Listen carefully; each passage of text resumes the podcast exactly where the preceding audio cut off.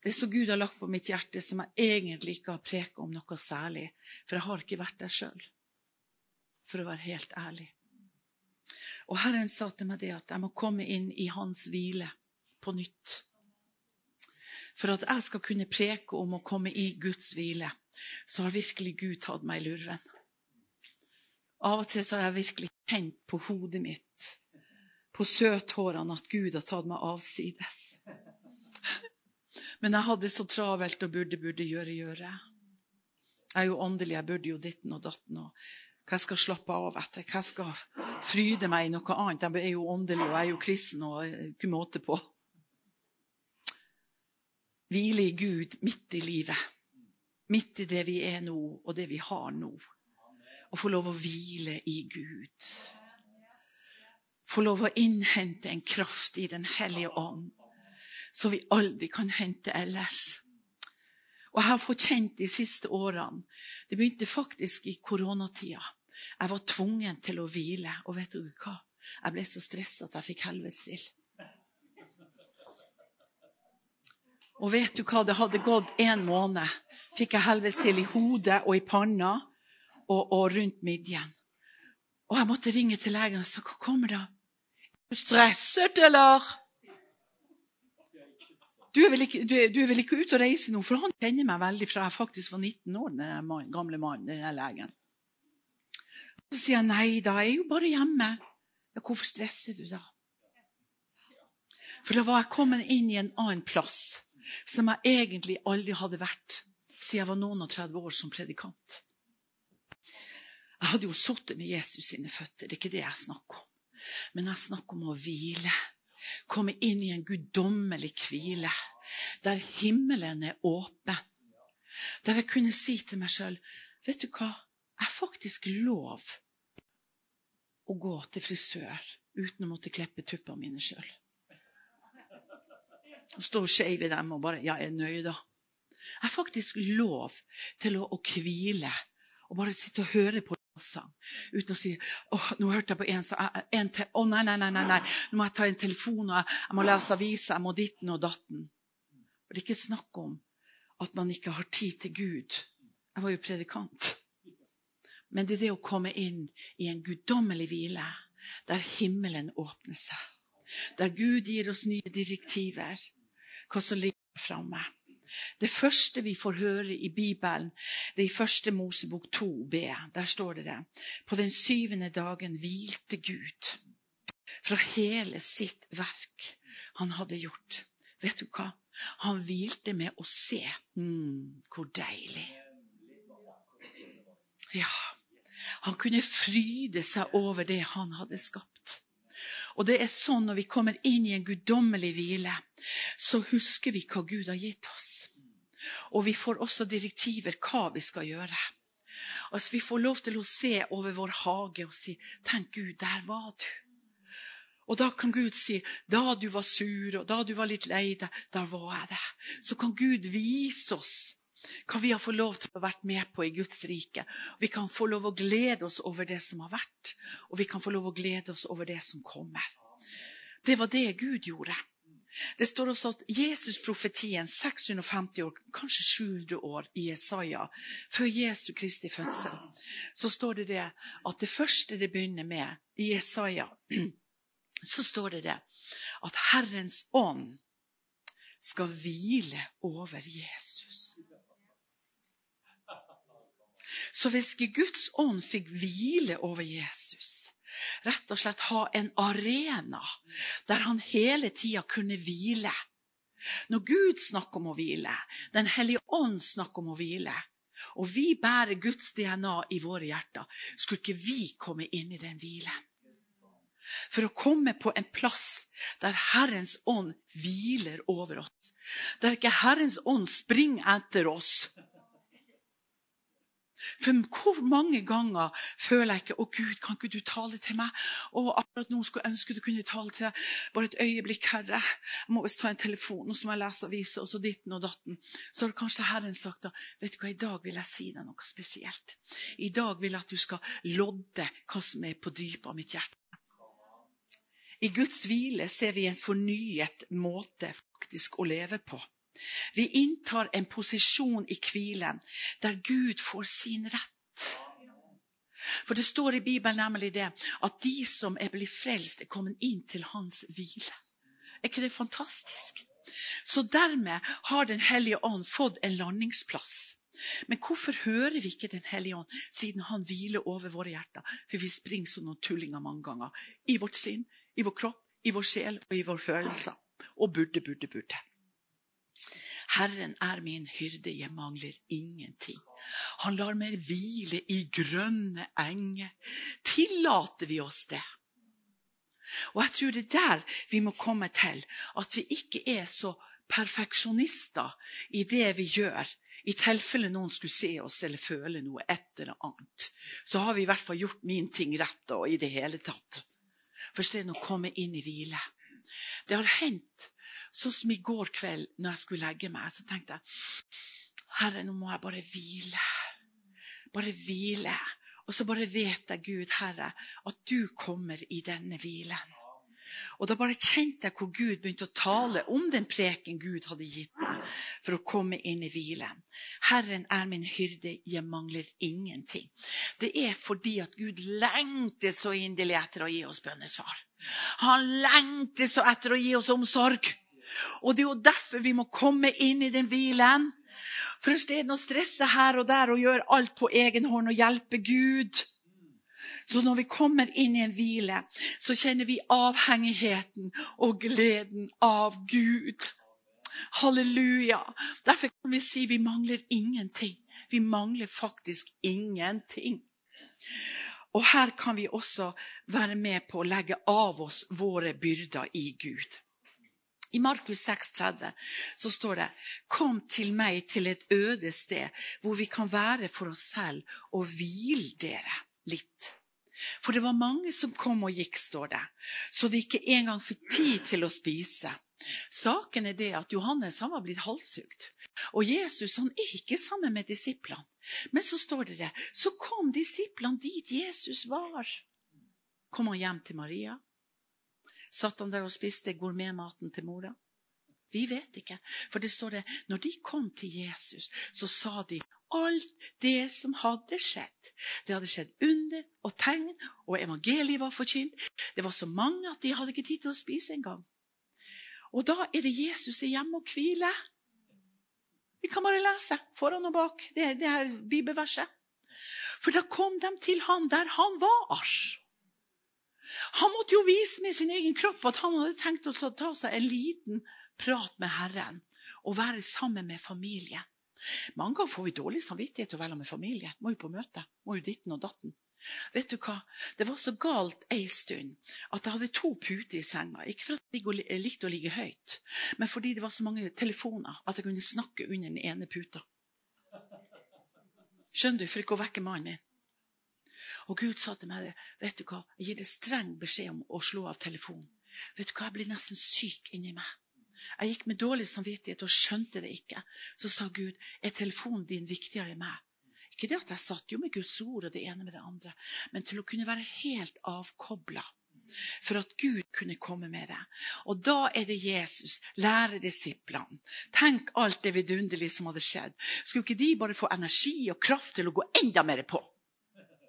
Men det var da Jesus sa, når man har vært der en, eh, på en arena og gjort under og tegn og preka ditt og datt, så tror jeg at Gud, uansett om det er jobb eller hva det er, at Gud vil at vi skal komme avsides. Han måtte lære disiplene. Så han måtte gå sammen med disiplene til et øde sted, så det kunne være for seg sjøl.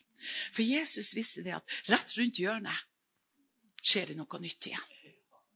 Sånn at de kunne hvile, sånn at kroppen deres kunne slappe av. For vi lever tross alt i denne verden, selv om ikke vi er av denne verden.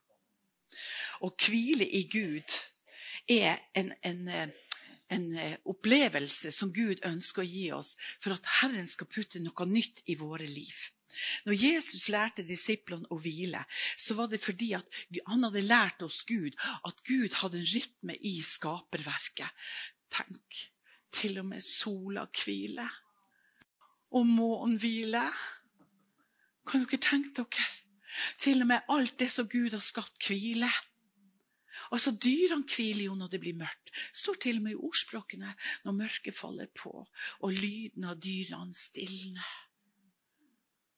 Hvor mye mer skulle ikke vi hvile da? Og komme inn i en rytme, sånn at vi kan arbeide mens det er dag. I den rette tid.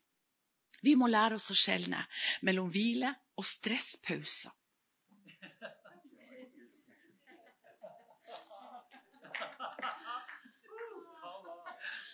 Og Gud minte meg, som det ble sagt i dag om Martha og Maria. Det står så nydelig, det. Hun Martha eh, og hun, eh, hun Maria var det, var det Maria som satt ved Jesu føtter? Og, og, hun satt ved Jesu føtter. Hun hadde funnet en plass, står det i en, en, oversettelse. I en annen oversettelse står det denne delen ved Jesus sine føtter hadde hun inntatt. Og så står det det. Og Maria, nei, Martha hun begynte å streve og kave. Det var en gammel mann som sa en gang at Jesus hadde ikke bestilt noe på forhånd. Men det var hun som mente burde, burde. Nå kommer jo Jesus. Det er jo han som har min friplass. Det er jo jeg som råder i dette hjemmet. Så jeg burde jo ta et tak. Og se på hun tøtta der, søstera mi. Hun gjør jo ingenting. Ikke sant? Og Mange ganger så føler vi at vi må gi noe til Jesus, og vi må gjøre noe for at vi skal liksom komme inn i en atmosfære. For stedet å si bare finn den plassen i Gud. Vekk med stress og vekk med burde-burde for å komme der der Gud kan betjene oss. La oss finne den plassen, for den plassen er en hemmelighet i Den hellige ånd. I denne tiden finner vi den. Det betyr ikke at vi skal være lat. Det er en tid til å hvile i Gud og få ny styrke. Der Gud, Herren, betjener våre hjerter, som Anne Grete sa i det profetiske ordet. Der Gud kommer og betjener våre hjerter. Der vi får fornyelse i vannbad i ordet. Der Gud plutselig kan ta frem ordet som vi har lest. Vi har ikke tenkt på det engang. Plutselig så kommer Gud til vårt forråd. Og så begynner han å, å, å si at du har et forråd. Akkurat nå jeg vil at du skal spise av. Så vi skal få lov å være sammen med Gud. Og vi skal arbeide i hvile som bare Herren kan gi oss en guddommelig forstand. Mange ganger kan vi regulere altså stressfølelsen med å se på telefon, som et avbrekk i stress, og kav, eller finne andre aktiviteter. Det var nå ei dame som sa til meg Reiser du fremdeles? Driver du på med de greiene fremdeles? Som det var noe greier. Så sa hun gjør du noe annet i det hele tatt. Og jeg ringer til deg og har lyst til å avtale med deg. Vi er klubbvenninnene våre og alt mulig. Du kommer ikke. Og så var det ene med det andre. Du har ikke tid. Så sa jeg jo da, jeg har tid. Klart jeg har tid. Men jeg ønsker å prioritere. Til å finne den plassen i Gud der jeg kan kjenne at jeg får påfyll. Og, og noen sa jo, En sa jo til meg det at ja, du er jo ekstravert, og du, du får jo energi med å være sammen med folk som er ekstroverte, og så er jeg helt utlada etterpå. Men vet du hva? Ekstroverte biten, den vil jeg bruke for Herren. For han har fylt meg med den identiteten jeg er. Så jeg trenger ikke å bli introvert for å finne den plassen i Gud. For noen sier til meg du er jo så vill og gal. Du stopper jo aldri så tenker jeg nei, jeg har en hemmelighet. Den ekstroverte delen den er på en hemmelig plass med Gud. I en hvile der bare Gud får, der Gud bare kan fylle mitt hjerte. En mann sa så fint at når, han, når Jesus kom til Martha, så hadde han ikke bestilt noe hos henne. Når Gud kommer, så bestiller han ikke noe hos oss. Vi må høre på lovsang, som jeg helst har bedt en time. Som jeg helst har snakka i telefonen og liksom gitt noe. Jeg Må kanskje snakke med naboen og si hvor skjønn og god du er. Du skjønner, Vi trenger ikke det der. Vi kan komme like inn på den hemmelige plassen. Mens vi faktisk står der og skal bake brød med de klissete fingrene. Og Herre, nå er jeg inn i en plass i hvilen i Gud. Der jeg kjenner bare jeg og deg blir fylt med Guds nærvær. Og jeg kan få lov å være der, og jeg kan få lov å gjøre ting. Og jeg bare vet at det er en følsom plass i ånden der Gud bare betjener vårt menneske. Hva er det som hindrer denne stillheten i Gud? Og vi ønsker at Jesus skal tale til oss. Vi ønsker faktisk av og til skrift på veggen. Og da er det Gud tar oss inn i forrådet og viser oss hva vi har lest. At vi har fått lov til å være sammen med Gud. 1. Johannes 3, 19 så står det På dette skal dere vite at vi er av sannheten, og vi skal stille våre hjerter til ro for hans åsyn. Jeg vil ha Guds åsyn på meg. Jeg vil at Gud skal se meg. Du skjønner, Hvis jeg stiller mitt hjerte til ro innenfor den levende Gud, så kan ikke jeg bare si 'Gud, se på meg'. Nå vil jeg ha din oppmerksomhet. Det er et kriterium det er det at vi skal falle til ro. På dette skal vi vite at vi er av sannheten, og vi skal stille våre hjerter til ro for Hans åsyn. Når Bibelen snakker om at vi skal være rolig, så sier han også et bibelvers i Matteus 11 som jeg liker veldig godt. Og Der står det 'Ta mitt åk på, meg, på dere'. Åh, Vi blir jo helt Å, burde, burde, burde, burde. Nei. Herren sitt åk er hvile. Er ikke det fantastisk? Ta mitt åk på dere og lær av meg, for jeg er ydmyk, står det i Bibelen. Er ikke det fantastisk? Og, og, og, Herren han ønsker at hans åk av hvile skal komme på våre hjerter. Sånn at vi kan være til og med nedbøyd og ydmyk. Og da spør, spiller det ingen rolle om vi er nedbøyd.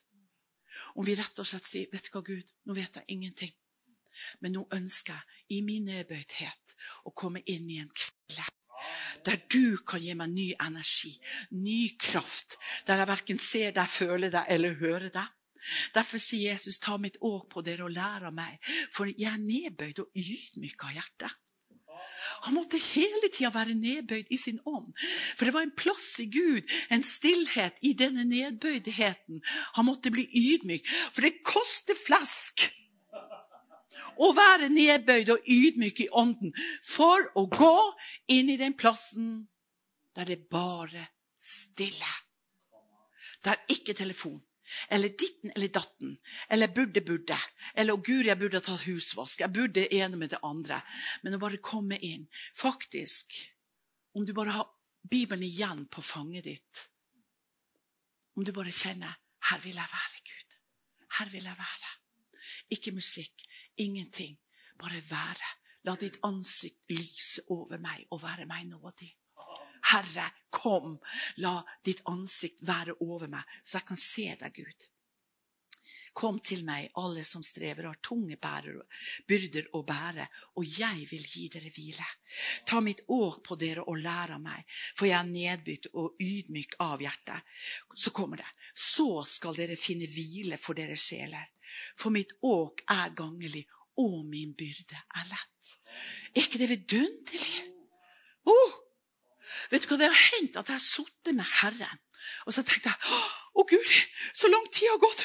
Å Gud, jeg har vært så unyttig og ikke gjort noe. Å, kjære Gud. Og så ser jeg bare maskaraen og rent nedover her. vet du. Og En gang så var det venninna mi hun sa det at, og jeg sa til henne det er så viktig det, det, er viktig å være med Jesu føtter, lese Guds ord og be. Be i tunge, be med forstanden. Kjenne det at du åpner ditt hjerte for ordet, for samtale med Gud. Så sa jeg til venninna mi men har du prøvd å være stille? Slå av musikken. Bare være med Jesus. Og så sa hun det at hun hadde laga middagen, og alt var i skjønneste orden. og sånn, og Så tenkte hun ja, det er en halvtime til mannen min kommer, så liksom, jeg, skal bare, jeg skal bare sitte her mens middagen putrer. Og så satt hun bare der. Så sa hun Jeg sa ingenting. Jeg hørte ingenting. Men tårene mine bare ran og ran og ran. Og jeg kjente jeg ble rensa i min ånd. Jeg ble fornya i min kjærlighet til Gud. Men jeg kjente det at Gud også fikk lov å helbrede hjertet mitt. sa når mannen min kom hjem, så sa han hva i alle dager som har skjedd med deg? Så sa hun har det skjedd noe? Du ser jo ut som en indianer. Så sa hun hæ, hva for noe? Hva er det du har drevet på med? Maskaraen ligger jo i striens strømmer. Du har jo svarte streker som om du skal gå ut i krigen. Så sa hun å. Så sa han du, Sto du over eh, kasserollene og dampen? Nei. Jeg var bare i Guds nærvær. Det var også måte på å være i Guds nærvær og se ut som på den måten. Var ikke det fantastisk? Og jeg tror at når Gud sier at, eh, at skal, vi skal finne hvile for våre sjeler Sjelen det er tanke, vilje og følelse. Og det er der vi hopper for mye. Jeg. Sånn at jeg kan gå i retning av min ånd som Gud har lagt ned, som Gud har født meg på ny med. Sånn at Guds byrde kan få lov til å ta meg på en plass der jeg kan bare få lov å være alene med Jesus, og du alene. Hvis vi evner å hvile i håp til Gud, så blir vår sjel stille. Er ikke det fantastisk? Tanke, vilje, følelse. Guri malla, hvor jeg har sittet med Herren, der Herren har sagt at 'jeg vet hvilken tanke du har', men jeg vil gi deg fredstanker, ikke tanker til ulykke, men til framtid og håp. Jeg vet at din sjel sliter nå i følelsene dine på den ene og den andre måten. Og jeg vet hva kroppen din går igjennom nå, men jeg vil komme med balsam. Til ånd, sjel og kropp. Og der kunne jeg få lov til å kjenne at jeg ønsker å evne den retten som Gud har gitt oss som kristne. Som vi kanskje ikke bruker så mye. For å kunne høre hva Gud vil si. Og når vi kjøpte det huset etter å ha kjøpt et hus etter ett år, så sa bare Herren til meg Ania, jeg vet hva som bor i ditt hjerte. Ja, takk og lov. Så sa Gud, men vet du hva? Du evner ikke å ta imot det, for du føler det liksom at Nei, det er ikke riktig. Nei, det, det er sikkert ikke Gud. Så spurte jeg Gud, hva er det? Så sa Herren, vi skal flytte. Vi skal ut og kjøpe hus i dag.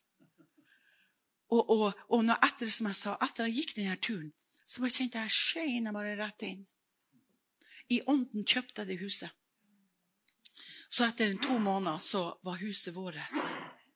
Fordi at Gud hadde sagt det. Hvis du får evne til å være stille, så jeg kan tale til din sjel.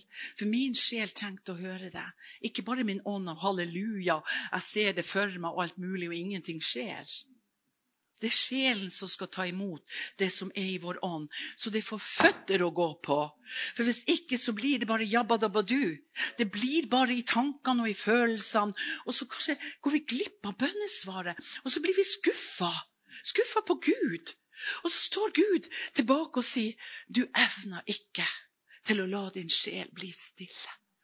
Så du kunne høre for meg hva du skulle gjøre.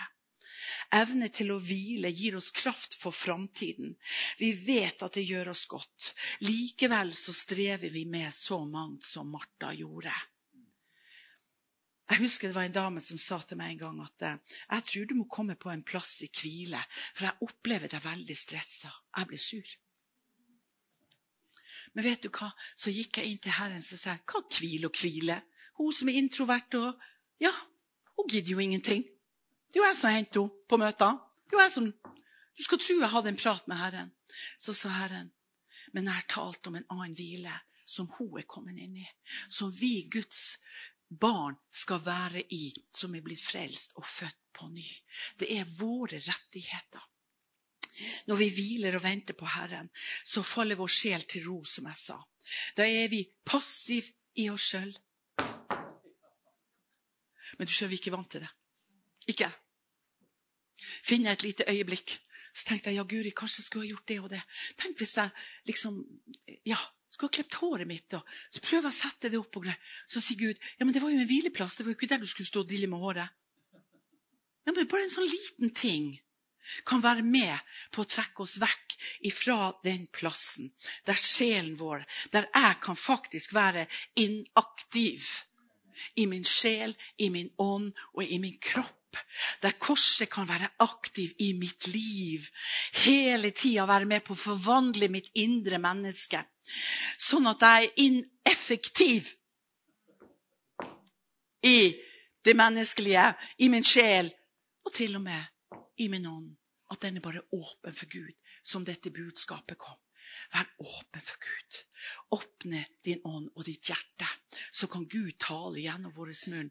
Eller så blir det ikke noe tale gjennom vår munn hvis ikke vi har et hjerte som er åpen. Vi kan hvile i den allmektige. Vi kan ikke gjøre noe som helst. Jeg måtte lære over Veronica det. Du skjønner, ekstrovert ganger ti. Og da måtte jeg også si hva du har gjort i dag. Så sa jeg, vet du hva, jeg gikk på tur, sa jeg til Veronica. Og det kan jeg si, for det gjelder oss begge to. Jeg gikk på tur, så hørte Herren sa du skal si til Veronica at i dag skal hun si jeg har ikke gjort ingenting. Og så sa jeg Gud, hvordan skal jeg si det? Så sa Herren ja, men det gjelder deg òg, Anie. Så vi ble enige om rett og slett at vi skulle evne å bare være sammen med Jesus uten å gjøre noe ting. Sånn at korsets kraft kunne bli så eh, alarmerende i oss. At vi bare kjente det at vi er midt i Guds vilje, midt i Guds plan. Når Herren sier at 'drei til høyre, drei til venstre', det er, ny, det er en ny oppgave til deg, det er en ny ting, så er vi parat med en gang. I Lukas 12 så står det, det at eh, det er et spesielt bibelvers. så står det, La hoftene deres være ombundet og lampene brenne. Vær selv lik et menneske i Lukas 12, 36. Vær selv lik et menneske som venter på sin Herre når han vender tilbake fra bryllupet. Og når han kommer og banker på, så kan dere åpne opp med det samme. Er ikke det fantastisk? Og så står det 'Salig er de tjenere som Herren finner våken når han kommer'. Hvor ofte Kommer ikke Herren kanskje med sitt ansikt og lyser over oss uten at vi kjenner det og ser det, for vi har så masse på agendaen? Vi kan ikke leve uten ingenting, for du vet at det er jo bare late folk som tenker sånn. Og så kommer Herren, og så sier han, finner han oss våken. For å hvile i Gud betyr egentlig å være våken i ånden. 24 timer i døgnet. Når Gud taler til oss når vi fysisk sover, så vil Gud også tale til oss når vi er fysisk våken, i en tilstand der vi ikke blir åndelig sløv og sliten og kroppslig og åndelig og følelsesmessig og jeg vet ikke alt mulig. Så kan vi nemlig komme for fristelse og gjøre ting vi ikke burde gjøre. Ei venninne sa til meg, og hun er veldig rik, hun sa til meg du skjønner, når jeg er stressa, sa hun, når jeg føler ikke jeg hører Gud, så går jeg på shopping. Og du skal tro at kortet er varmt før jeg kommer meg hjem. Og så sa hun men, men, eh, skulle hun vise meg noe. Nei, guri malla, den frakken har du. Nei, har jeg den frakken? Ja, det kan si skape seg. Så sa hun, ringte hun til meg og sa vet du hva, det var ikke bare frakken jeg måtte bytte inn. Jeg måtte bytte inn flere klær og få til godelapp. Så kjedelig, sa hun. Det var jo mange tusen. For jeg hadde jo de klærne i skapet. Skjønner du? Da gikk hun etter det hun likte. Men hun hadde jo allerede kjøpt og ikke brukt det. Du skjønner, Sånne grep kan man drive og gjøre. Man kan scrolle på telefon. Man kan kjøpe seg ting på nettet. liksom, 'Å, vi kjeder oss litt. Grann. Trenger ikke en, en ny støvsuger.' Og, og, ditt og datt. Og plutselig så, så er man bare der. Og så sier Herren, 'Vet du hva? Bare bli stille på innersiden og hvile.' hvile i meg. Salig er de tjenere som Herren finner våken når Han kommer. Sånn at vi ikke har en fristelse til å sovne. For hvis vi ikke er i den plassen der vi kan hvile i Gud, så kan vi komme inn i en søvn. Gud er trofast. Det står i Lukas 12, 37, videre der, så står det Salig er de tjenere som Herren finner våken når Han kommer. Samtidig sier han at skal, han skal binde opp om seg. Hør, og han selv skal komme og tjene dem. Er ikke det fantastisk? Hæ? Så er vi ikke bare tjenere i Den hellige ånd for hverandre innenfor den levende Gud. Men vet du hva? Gud vil tjene oss. Er ikke det fantastisk? Han skal binde opp om seg. Salig er den tjener Herren finner våkne når han kommer. Sannelig sier dere, han skal binde opp om seg og la dem gå til bords og selv skal han komme og tjene dem. Å, halleluja. Å, vet du, Jeg ønsker så å sitte med dette bordet, og jeg vet at vi kan kun sitte der når vi hviler i Herren. Når vi ikke har annen agenda til hode, kne og tå. Kne og tå. Og da er det Herren vil betjene oss. Når vi går avsider ved Faderens hjerte og har det intime livet med Gud, at vi er våken, at Gud kan betjene våre hjerter. Det er et nydelig bibelord som står i Jesaja 63, 14. Og da tenker jeg mange ganger Altså, Jeg vet ikke hvor mange koronatester jeg har tatt siden korona begynte. Jeg har to ganger korona. ene gangen hoster så bare det. Neste gang hoster jeg ikke i det hele tatt. Og eh, du har jo tatt en koronatest i går som var negativ. Du skjønner det at vi kan komme inn i en sånn frykt når det gjelder korona og ditten og datten og det ene med det andre. Men vet dere hva? Jeg tror vi skal komme inn i en sånn hvile i Gud. Rett og slett. At vi kan tørre å klamme hverandre uansett. Og, og kjenne fred i vårt hjerte. Og ikke bare tenke liksom at en på flyet vet du satt jo og hosta, og til slutt så bare sa Gud åh, Gjorde sånn Når han snakka. Hva var det for noe? Tull. Han lurte vel på om jeg var redd å fly og begynte å hyperventilere. Skjønner du? I alle ting skal vi hvile i Gud. Han har fredstanker for oss, og ikke tanker til ulykke, men til framtid og håp. Og jeg tror at når vi kommer inn i en hvile med Gud, så skal vi få lov til å slappe av. Vi bor i den høyeste skjul, i den allmektige skygge. Vi er ikke bare på besøk i Salme 91, vi bor der. Og dette er hjem, menigheten. Og hvis vi sluntrer unna menigheten, så sluntrer vi unna Salme 91 òg. Vi kan ikke si at å, vi tar til oss alt Guds ord og bla, bla, bla, og så sluntrer vi unna menigheten der de hellige samles. Vi kan ikke ta det ene kontra det, fra det andre. Det er så viktig at vi hviler inn i det som Gud har gitt oss.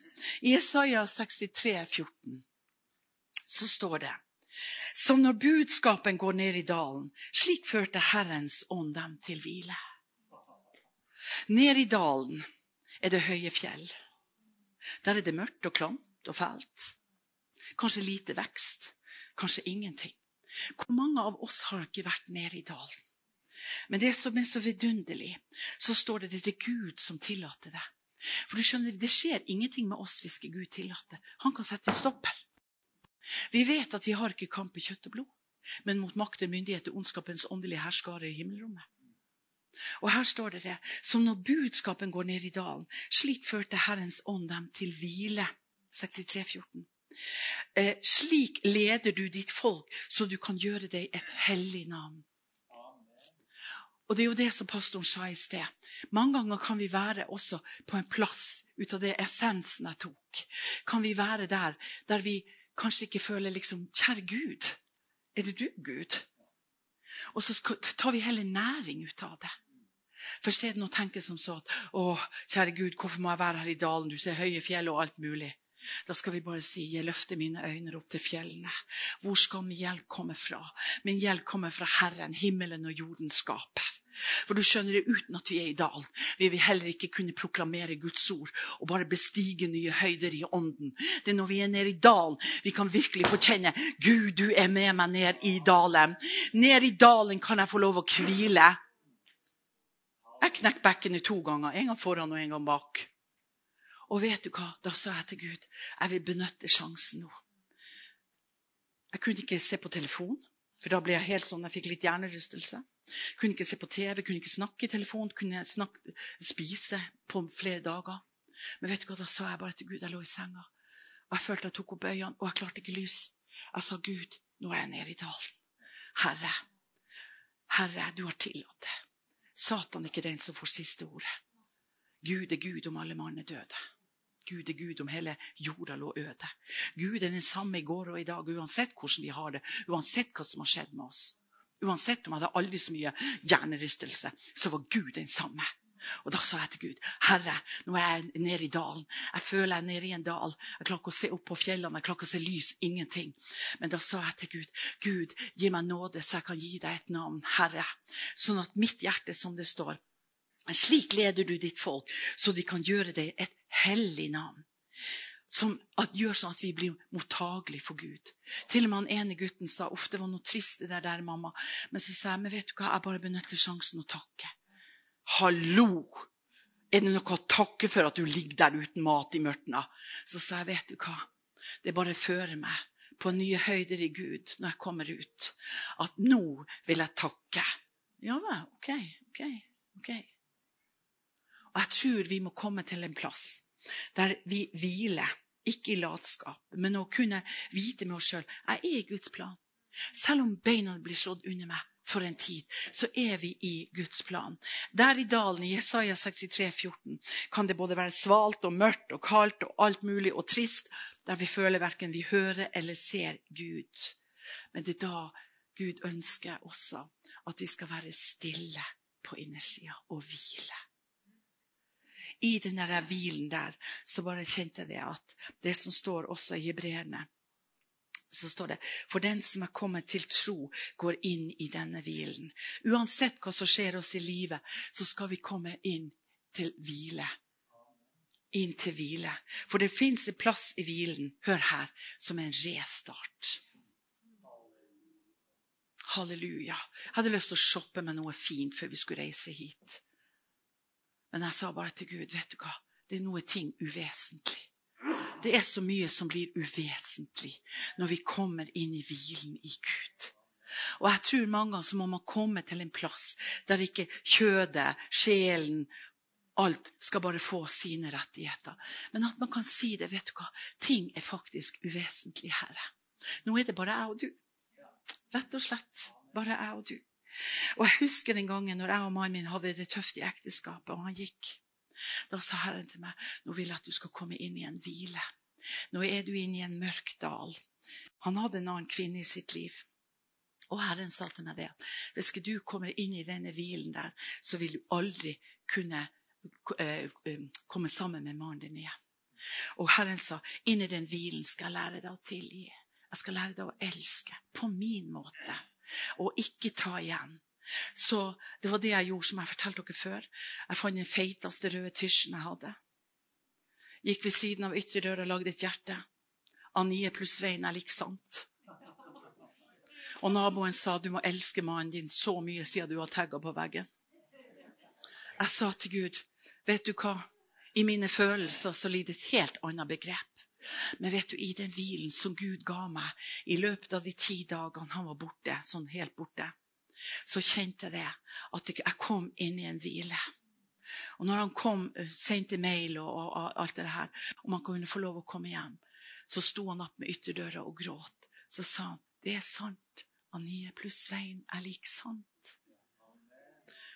Og jeg kunne bare kjenne at jeg hadde vært en hvile i Gud.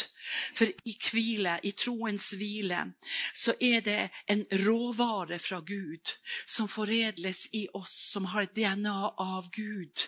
Jeg sier ikke det her for å fortelle hvor flink jeg er, for det har ingenting med meg å gjøre. Det har med de rettighetene Gud har gitt oss å komme inn i en hvile i Gud. Og David sa, 'Herren er min hyrde, jeg mangler ingenting'. I hvilen ligger faktisk Guds fang.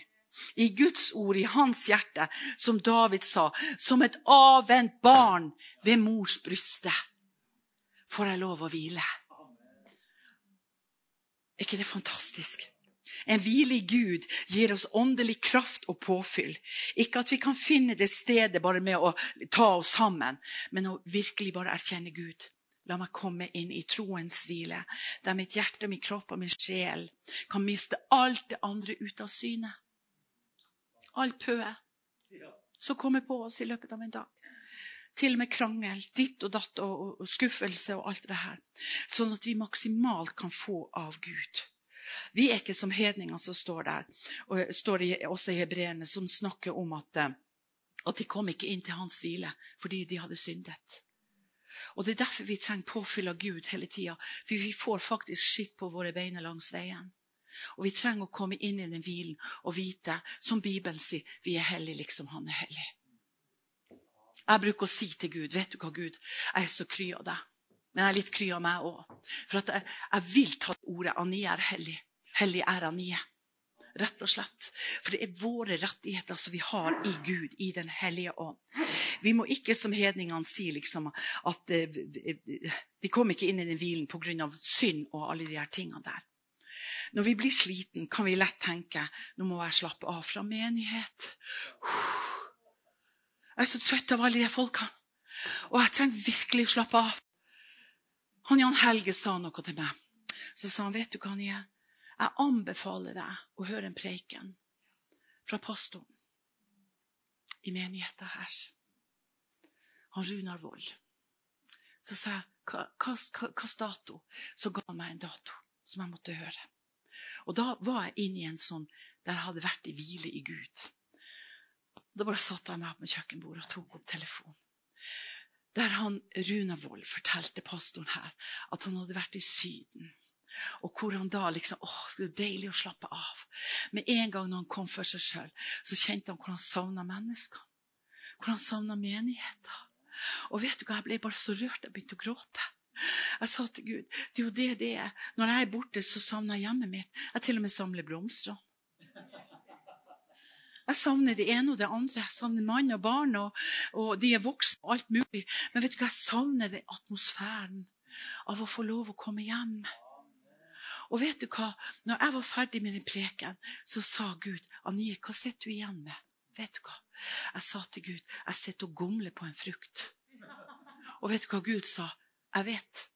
Og den frukten var trofasthet. Jeg gomla faktisk på en frukt i min ånd av trofasthet. Jeg begynte å rope til Gud. Gud, la meg få lov å være trofast. Gud, Herre, i alle ting. I hvilen, i alle ting. Når menneskene ikke ser meg. Når håper jeg, Åndeverden hører jo alt. Men Gud, la jeg få lov å være trofast. Det var det jeg satt igjen med. Kan jeg få lov å fortelle en historie til slutt? Det står om Elia, og det er jo veldig kjent. Vi, vi, vi kjenner jo den historien ut og inn, og opp og ned. Men den er i første kongebok 19, der det står om at eh, han var åndelig sliten. Rett og slett. Så han stakk av fra hele menigheten. Og han tenkte bare det at Og enda hadde han gjort under og tegn på Karmel. Han hadde sett Gud slikke opp vannet, tok offeret, kom med ild, kom kom med vind, kom med alt. Fienden begynte å drepe hverandre. Han gjorde ingenting. Han bare gjorde det Gud ba han om. Og han sto i en åndelig kamp og fikk lov å se det spektakulære i Gud. Han kjente Gud på den måten. I ilden, i vinden, i, i jordskjelvet. Han kjente Gud i alle de her tingene. Og det er der vi kjenner Gud. Men, men saken var den at det var én måte han ikke kjente Gud på. Det var i den stille sus. Og det er der Gud ønsker vi skal være. For mange ganger så kan vi si ja, Gud, jeg gjør nå det og det og det og det. Og det, og så gjør jeg det og det og det. Og så er jeg ferdig. Og det er sånn mange ganger vi kjenner Gud. Vi kjenner ham fra den siden, men jeg tror Gud vil at vi skal kjenne ham fra en ny side. Det står om at Elia han stakk av, og så for han ganske langt. og Så for han opp på fjellet. Der står han i håp om at Gud skal komme. Og så kom Gud. Akkurat den måten han kjente Gud på.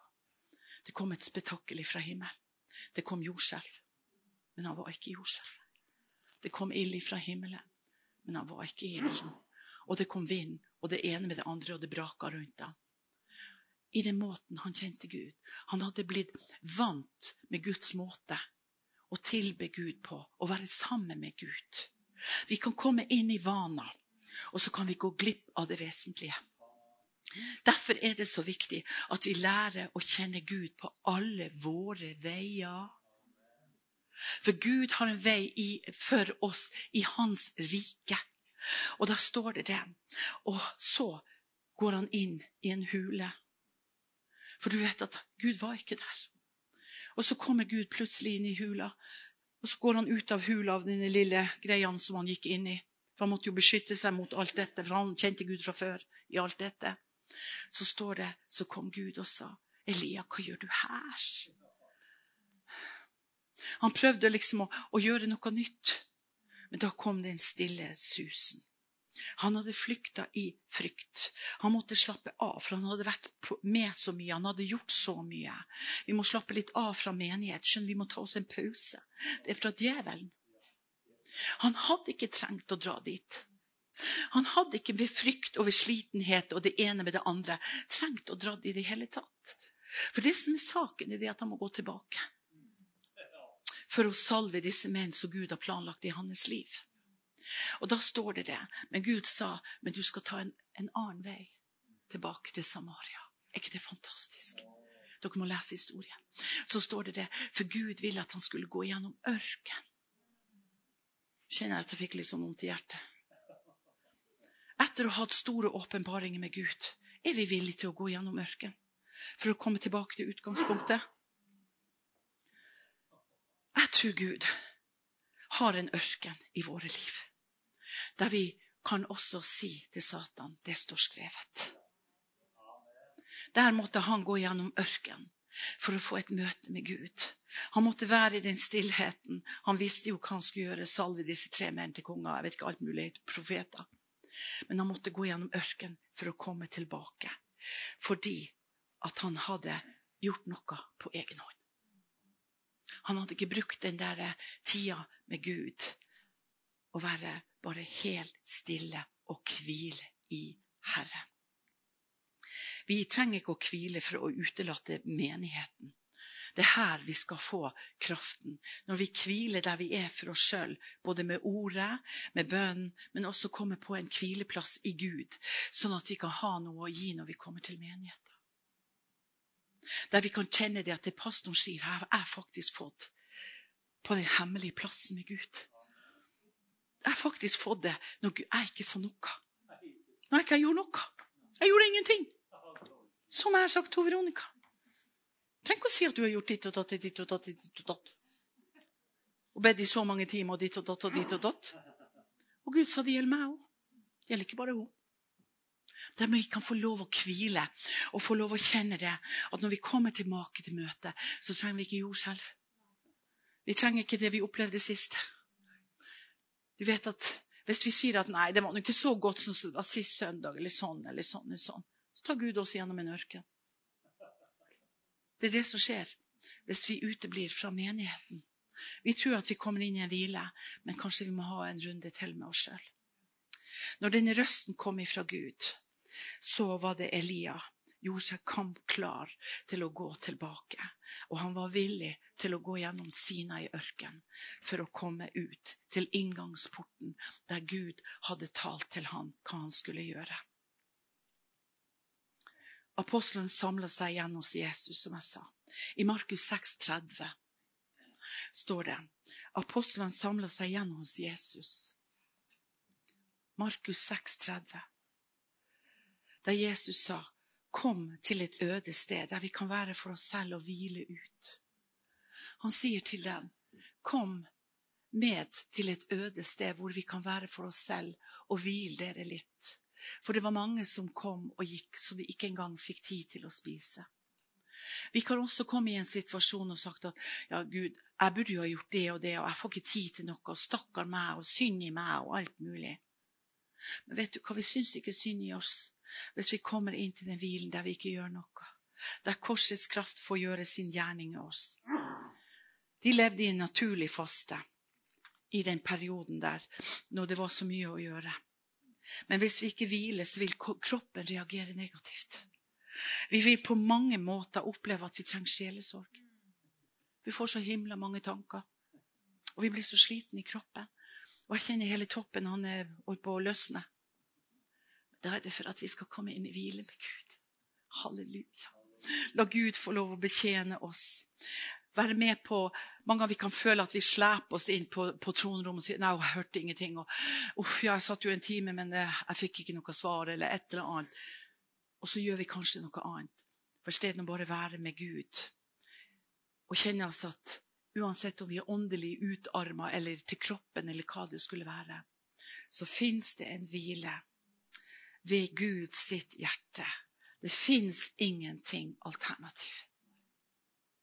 Gud er konstant. Og Gud ønsker at vi skal lukke døren bak oss, også fysisk, for å gjøre plass til Jesus i vårt hjerte. For i vårt hjerte er det plass til mye rart. For det står i Hebreerne 4,3.: For det er vi som har kommet inn til hvilen, vi som tror.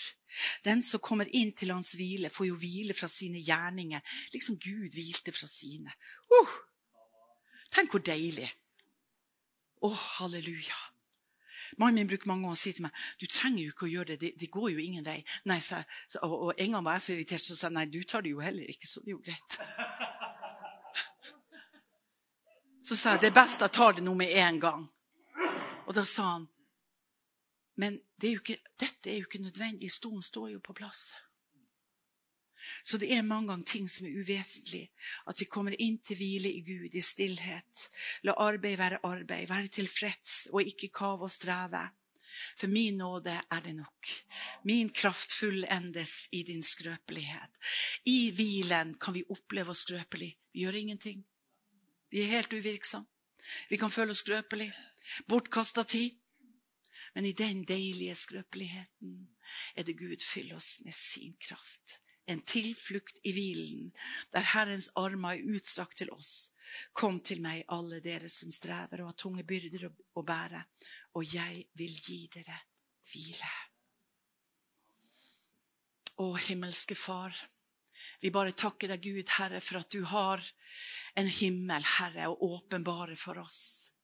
Og så fins det også et dalsøkk i vårt liv, Herre der vi også kan få lov til å benytte oss av, Herre, livets situasjoner. For du har sagt at alle ting skal tjene dem til gode som elsker Gud, som er kalt ved ditt navn, Herre. La vi få lov å kjenne, himmelske Far, at du har en restart i våre liv, Herre. Både vi som er her, og de som hører på broadkasten, Herre. Takk Gud for at vi skal få lov å kjenne oss, Herre, at vi er som kjemper i ditt rike, Herre. Vi er som David i utseende, Herre. Men vi har en kraft på innersida, Herre, som har lært seg å vente på Herre. Som har lært seg å bare bruke det lille som David fikk, denne slynga og denne steinen, Herre. Som ikke tar til seg noe store bragder, men er fornøyd med det du har gitt oss, Herre. Far i himmelen, jeg bare ber om Jesu blod beskyttelse over menigheten her over de som er på besøk her, Herre. Herre, at våre tanker, Herre, skal være å være fast og bestemt og bare komme inn i en hvile. Bare lodde ned du har, pappa Gud, for hvert eneste hjertefar, Herre. I Jesu Kristi navn. Oh man.